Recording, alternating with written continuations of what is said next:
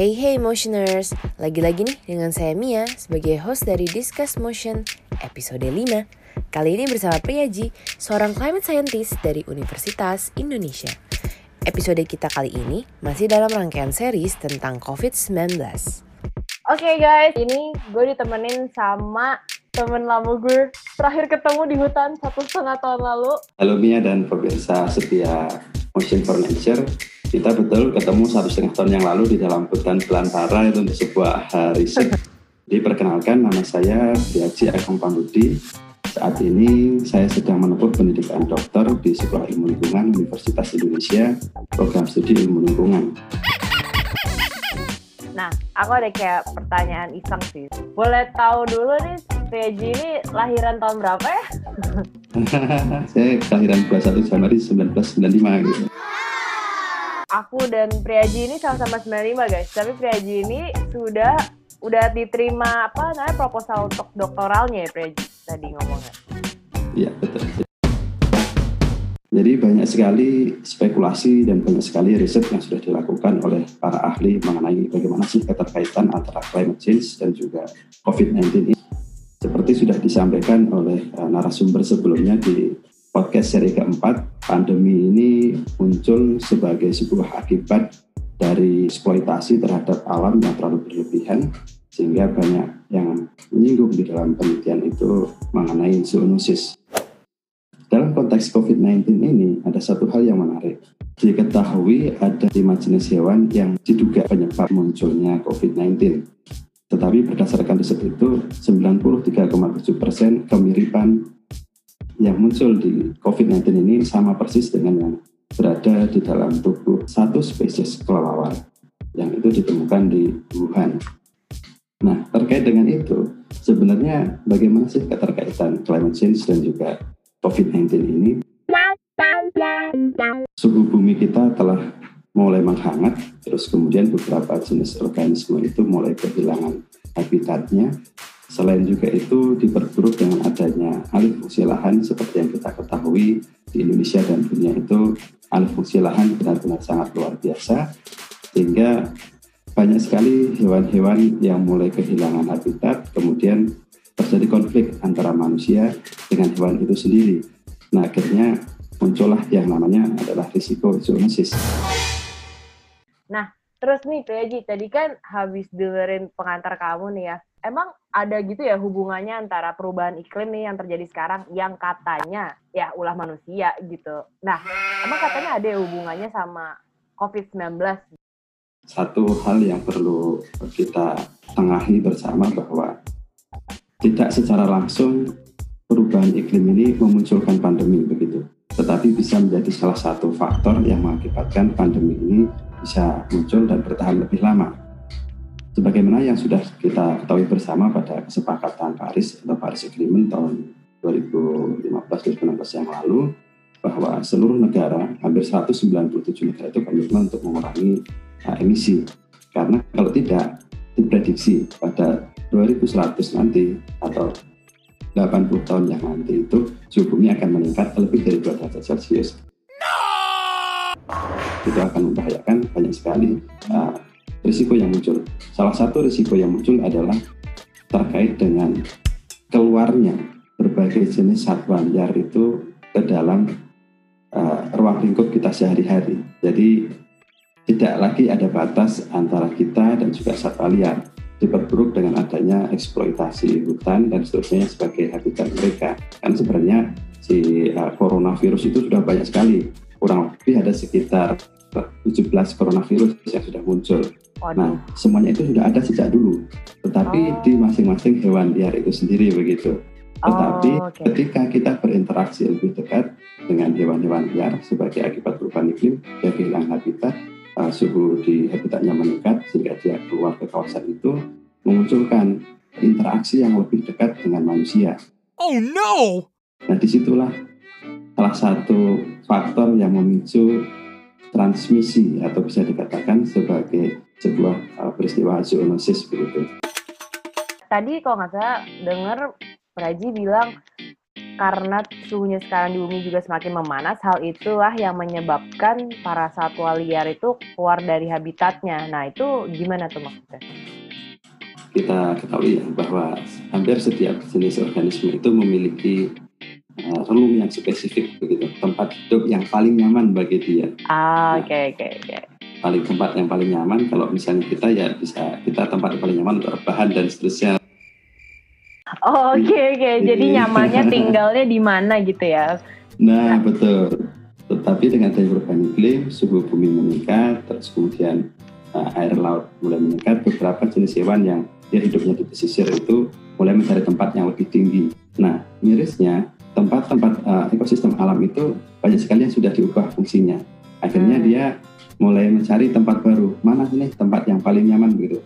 Sehingga sering kita mendengar ada satwa yang mulai turun dari gunung, ada harimau, katakanlah ada beruang, ada gajah dan seterusnya. Itu bisa menjadi suatu perilaku yang mana dia sedang mencari uh, tempat yang paling nyaman untuk melangsungkan hidupnya. Bisa mencari makan atau bisa berkembang biak. Kayak menurut aku sih apa ya? Ya ini pandangan personal aja ya. Sebenarnya yang bikin si COVID-19 ini menyebar juga dan karena juga ya satwa liarnya keluar karena kepanasan, satwa liarnya mungkin juga yang menjadi carrier COVID-19-nya. Berarti sebenarnya dia tuh nyebar gara-gara kita secara nggak langsung gitu ya kayak banyak orang bilang emang bener ya karena ulah manusia juga jadi semacam COVID ini tuh senjata makan tuan kita gitu. Atau mungkin ini hanya hoax-hoax gosip seputar selebriti gitu. Jadi sebuah pertanyaan yang sangat menarik dan itu menjadi diskursus selama ini. Memang betul bahwa si COVID-19 itu menyebar luas. Salah satunya adalah di uh, apa istilahnya itu ya, dibantu oleh manusia dalam tanda petik. Hmm. Karena ketika dia hidup di hewan, hewan itu mau menyebar ke mana pun, dia tidak akan memunculkan risiko selama dia itu belum uh, zoonosisnya belum tertular ke manusia. Tapi ketika sudah tertular ke manusia, nah ini yang menjadi fatal. Masalahnya manusia ini berinteraksi satu dengan yang lainnya. Nah itu menjadi media yang paling paling cepat untuk menularkan si COVID-19 ini. Kalau dikatakan sebagai senjata makan tuan akibat olah manusia, ya sebenarnya bisa bisa dikatakan juga demikian. Membaca buku Silent Spring itu, uh, musim gugur yang sunyi, itu dulu kan diakibatkan oleh si olah manusianya itu manusia yang menggunakan VDT dan seterusnya. Akhirnya tidak ada lagi hewan-hewan yang muncul di musim semi kalau ini bisa kita katakan sebagai silent springs jilid 2 no! yang kita sebut pandemi COVID-19 ini hmm. akhirnya kita sendiri yang terkena imbasnya. Kita harus dibatasi aktivitas sosialnya aktivitas fisiknya. Jadi semuanya senyap ketika bumi ini sudah kehilangan tutupan pohon terutama di kawasan-kawasan ekosistem alam, maka seperti itu. CO2 yang diemisikan oleh aktivitas manusia ini hanya bisa direduksi oleh hutan melalui proses fotosintesis dan juga lautan melalui proses penyerapan oleh si plankton dan seterusnya. Tetapi memang ini perubahan iklim itu tidak bisa eh, eh, dirasakan secara langsung. Hmm. Kita ketahui siklus iklim itu kan 30 tahun nih jadi ah. satu hal yang menjadi perhatian kita bahwa antara sebab dan akibat itu ada delay time-nya. Jadi hmm. ada waktu tunggunya.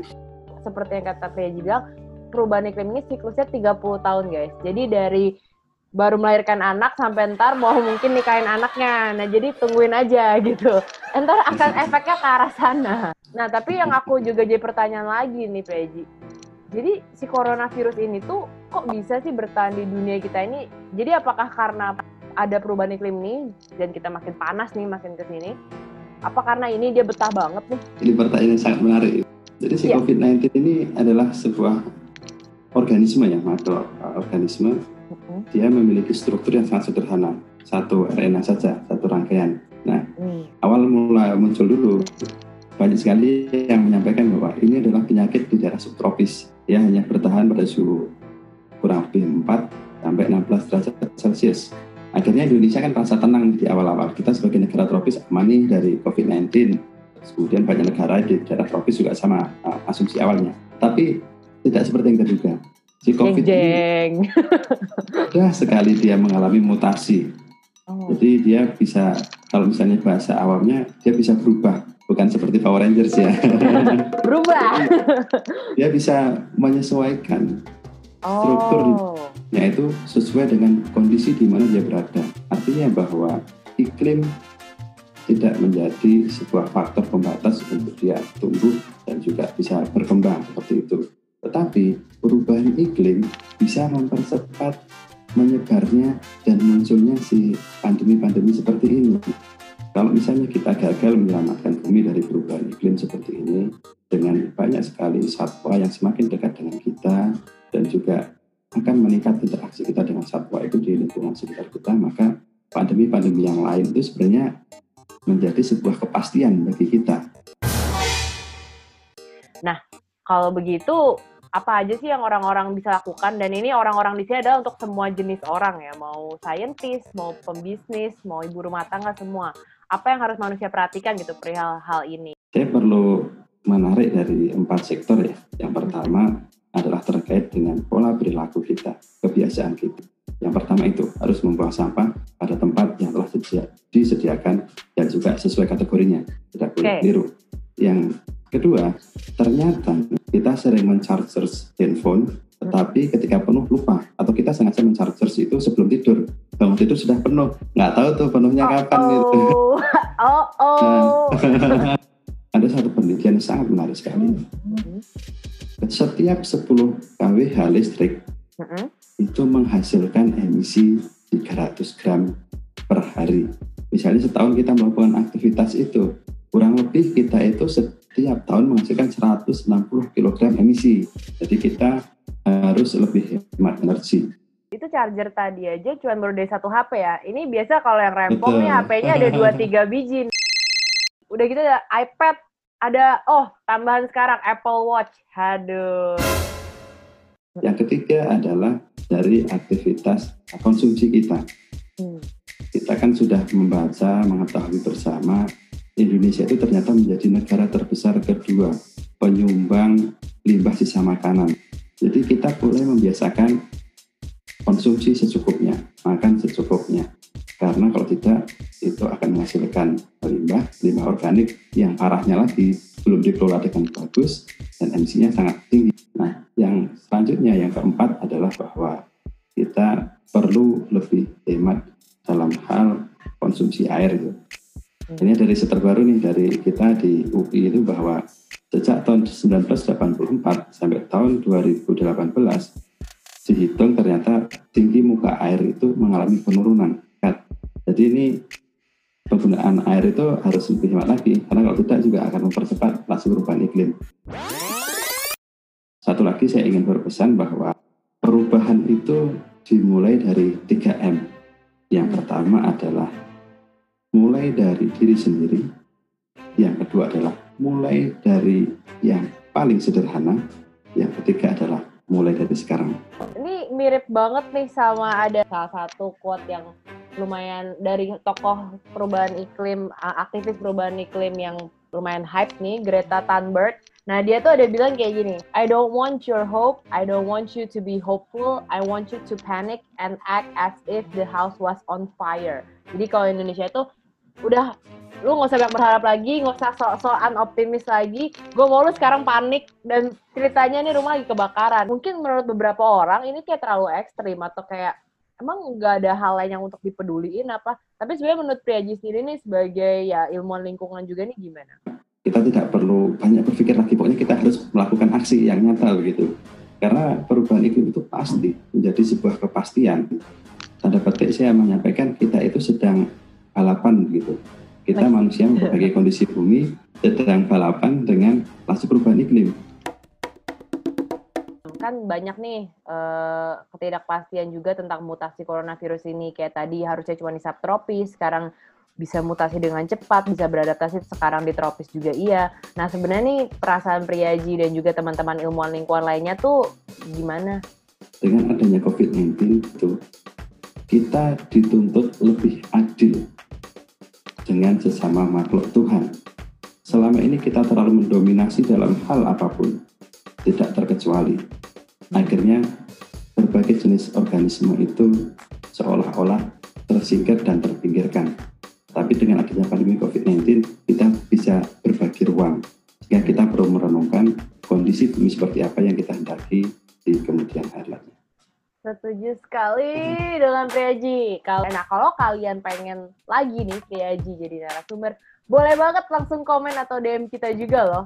Nah, ada mungkin referensi kayak tadi Piaji bilang buku yang bisa orang baca mungkin untuk mengetahui lebih lanjut bagi yang mungkin tertarik terhadap perubahan iklim. Ada satu buku seperti novel. Jadi bahasanya ringan mudah dipahami, novel scientist. Namanya adalah Silent Spring. Terbitan oleh Rahel Carlson 1962. Itu buku wajib yang harus uh, motioner baca itu. Wajib guys. Itu 62 kayak mami gue baru lahir itu bahkan. Luar biasa sekali. Oke deh, nanti kita akan semua taruh informasinya juga di dalam feed IGTV kita. So, thank you banget lagi untuk Riaji yang sudah meluangkan waktunya untuk motioners dan berbagi pengetahuannya dalam podcast Discuss Motion episode 5 kali ini. Thank you banget and see you guys yeah. next time. Terima kasih kembali. See you next time. So stay tuned for our next podcast on Motion for Nature. Dan bagi yang ingin membantu lebih, bisa cek link donasi di home profile Insta kita yang akan kita salurkan untuk lembaga-lembaga konservasi khusus untuk satwa liar di Indonesia. So see you guys next time.